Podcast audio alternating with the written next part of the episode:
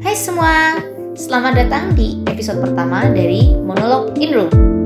Hari ini, karena aku baru rekaman yang buat episode pertama, aku mau ngajak kalian ngomongin tentang salah satu web drama dari Korea Selatan yang mungkin gak banyak orang tahu. Ya jelas ya, karena kita lebih familiarnya dengan drama Korea, bukan web drama Korea. Tapi abis kalian dengerin episode ini, aku yakin kalian bakal cari web dramanya. Karena menurutku, nggak hanya seru, tapi kita bisa jadiin web drama ini bahan diskusi yang menarik. Nah, judul dari web drama ini sebenarnya sudah tertulis di episode judul episode web podcast ini yaitu It's Okay to be Sensitive yang punya judul asli yaitu Jom Yemin Hedo Kencana. Nah, web drama ini udah sampai season 2. Tapi nggak tahu ya bakal ada lagi atau enggak. Dan season pertamanya dirilis pada tahun 2018 di platform Naver TV Cast. Dan season 2-nya dirilis tahun setelahnya pada tahun 2019 di platform yang sama dan ditambah dengan platform namanya V-Live. Pasti ini kalian familiar karena kayaknya kalau aku lihat sekarang banyak artis Indonesia yang mulai pakai platform ini untuk me, kayak bikin live broadcast gitu ya. Tapi untuk yang season 1 ini sudah banyak kok yang upload di YouTube dengan subtitle bahasa Inggris. Jadi buat kalian yang habis dengerin podcast ini tertarik buat nonton, bisa langsung dicari. Walaupun tuh sebenarnya juga jadi pertanyaan sih, apakah itu tindakan yang legal apa enggak? But we're not gonna talk about that now. Dan di sini kita akan lebih fokus ke pembahasan season pertamanya aja ya. Oke, langsung kita mulai. Nah, jadi apa sih garis besar cerita dari web drama It's Okay to be Sensitive sendiri?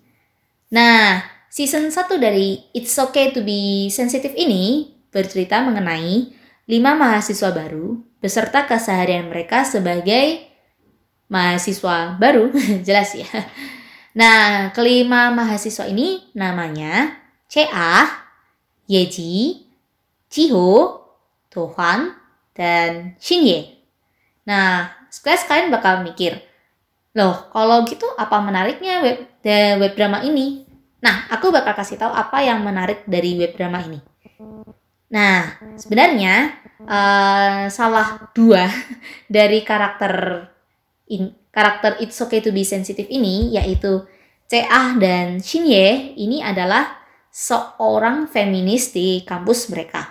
Jadi sebenarnya uh, web drama It's Okay to be Sensitive ini berfokus kepada para karakter perempuan dan pengalaman-pengalaman mereka yang ya bisa kalian kategorikan sebagai bentuk diskriminasi gender dan bagaimana mereka mereka mengatasi atau menanggapi hal-hal yang mereka alami ini.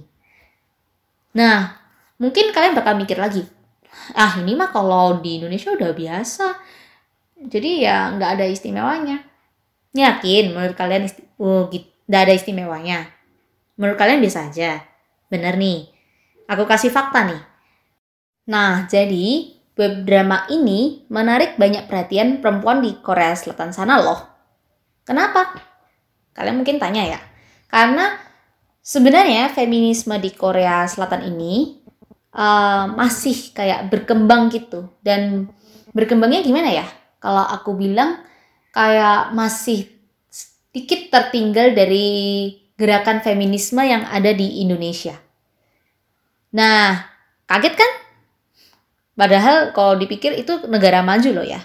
Nah, kenapa sih kok bisa tertinggal seperti itu atau mungkin malah baru baru-baru ini mulai ada gerakan feminisme di Korea Selatan. Nah, salah satu alasannya itu kayak mungkin terlambat juga ya. Kayak perempuan telat menyadari bahwa kesetaraan gender itu perlu.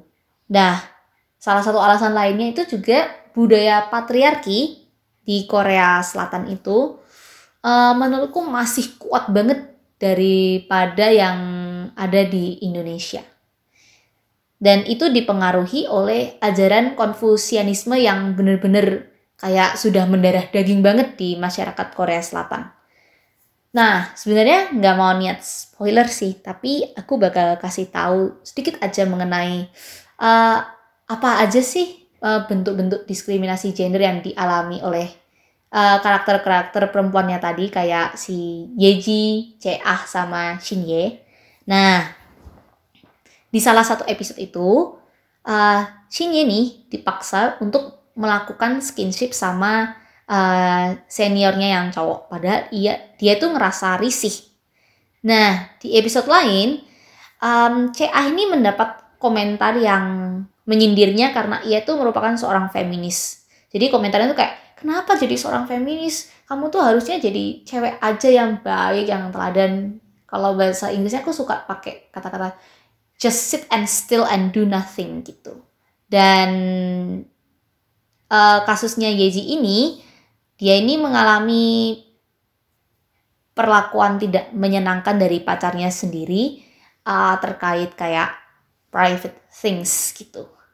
Nah, aku yakin dari tiga episode yang sudah sedikit aku kasih spoiler, kalian yang dengerin, terutama cewek-cewek nih ya, pasti uh, pernah mendengar kasus-kasus atau hal-hal nggak mengenakan seperti ini kan? Atau mungkin malah orang terdekat kalian atau bahkan malah kalian sendiri yang pernah mengalami hal-hal ini.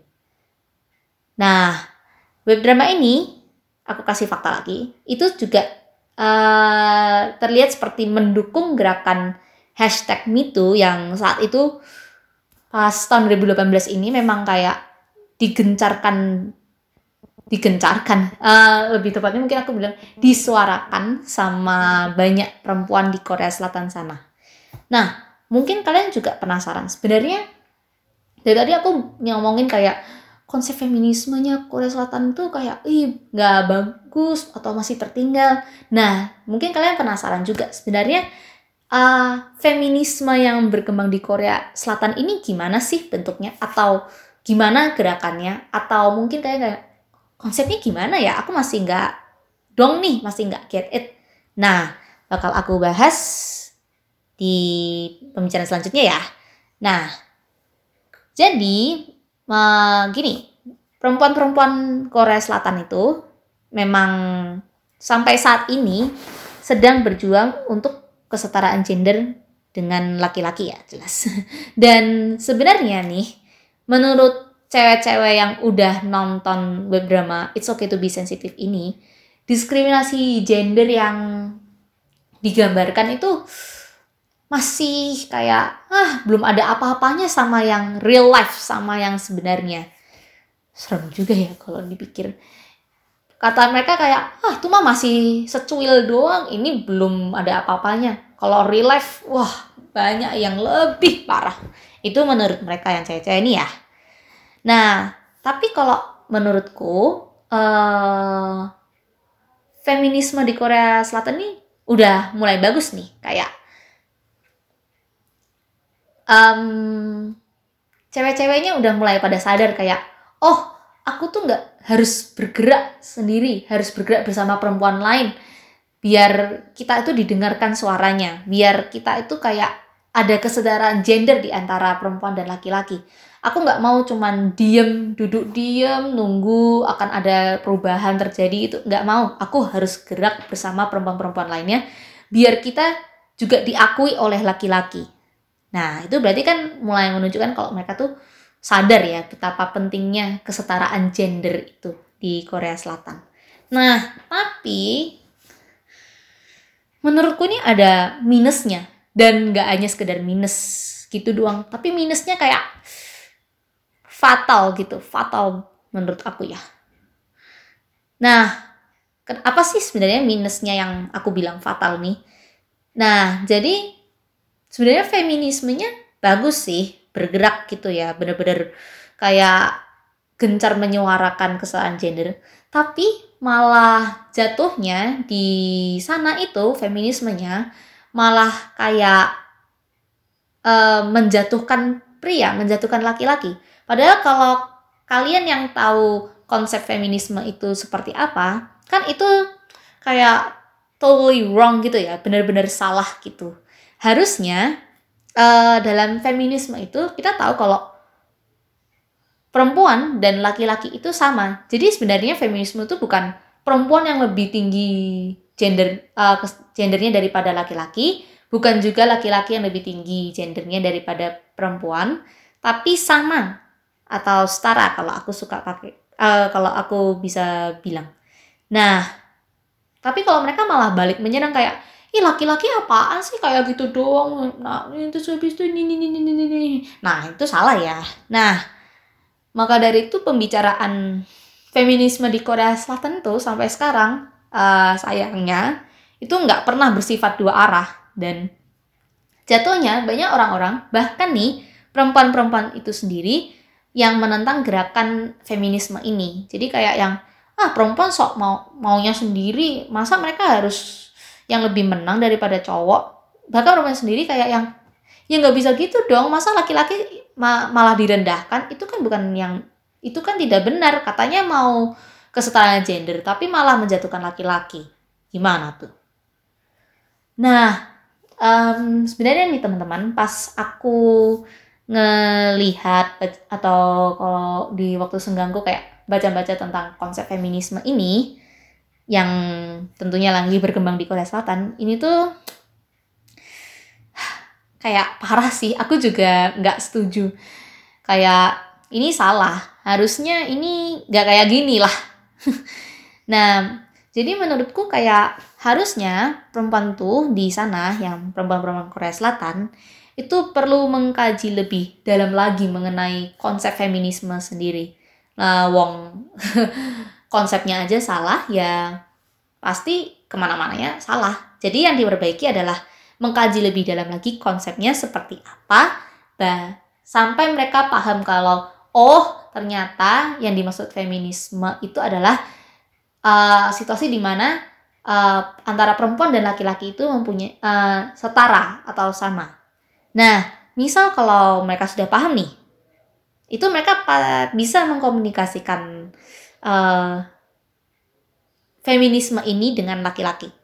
Kalau ini jelas ya bagian yang sulit. Tapi misal nih kita sebagai perempuan, hmm, kalau kita membicarakan secara logis dan baik-baik, aku yakin eh, laki-laki uh, itu bisa memahami apa yang kita perempuan inginkan mengenai kesetaraan gender tadi. Harusnya gitu ya cowok. Nah ini yang cowok kan kalian udah 2020, terutama yang masih menganggap ah cowok mah lebih bagus daripada cewek. Itu udah lah itu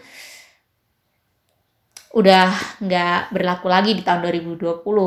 Pastinya kalian sebagai anak-anak muda yang mendapat pendidikan yang lebih baik daripada orang tua kalian, itu kalian pasti lebih dan aku ah dan satu lagi terpapar banyak pengetahuan luar berkat internet itu pasti kalian bisa lebih bijak lagi dalam menanggapi uh, feminisme ini. Nah, sebenarnya um, ini terlihat kok uh, bagaimana femin uh, ada cowok yang ngebelain cewek ketika mereka mendapat diskriminasi gender di web drama ini. Uh, maaf ya, spoiler sedikit lagi. Ini terlihat di salah satu episode ketika karakter cowoknya yaitu Dohwan um, kayak membela aku lupa sih siapa tapi aku nggak akan kasih tahu itu kayak membela dia si cewek ini ketika dia mendapat perlakuan yang mendiskriminasi dia sebagai perempuan. Buat aku, ini dapat menjadi bukti kalau misal sebuah gerakan itu dijelaskan baik-baik dan yang diajak ngomong bisa menerimanya dengan bijak, maka bisa jadi gerakan itu dapat memengaruhi masyarakat itu. Walaupun kita tahu itu sangat sulit mengingat uh, Korea Selatan masih memiliki budaya patriarki yang kuat seperti di Indonesia. Kita tahu juga kan kalau di Indonesia sendiri gerakan feminisme itu masih banyak yang menentang terutama dari sisi cowok-cowok laki-laki nih. Tapi aku yakin suatu saat di negara mana pun itu bakal tercipta kesetaraan gender antara cowok dan cewek. Nah, itu tadi pembahasan dan juga pendapatku mengenai feminisme di Korea Selatan yang tergambar dalam web drama It's Okay to be Sensitive atau dalam judul bahasa Koreanya Jom Yemin Hedo Kencan. Semoga kalian suka dengan episode pertama monolog in room ini. Dan juga um, semoga kalian tetap sehat ya dan di tengah pandemi ini. Semoga cepat berakhir juga amin. Dan akhir kata I'll see you again. on Monday on Monologue in Room. Bye bye!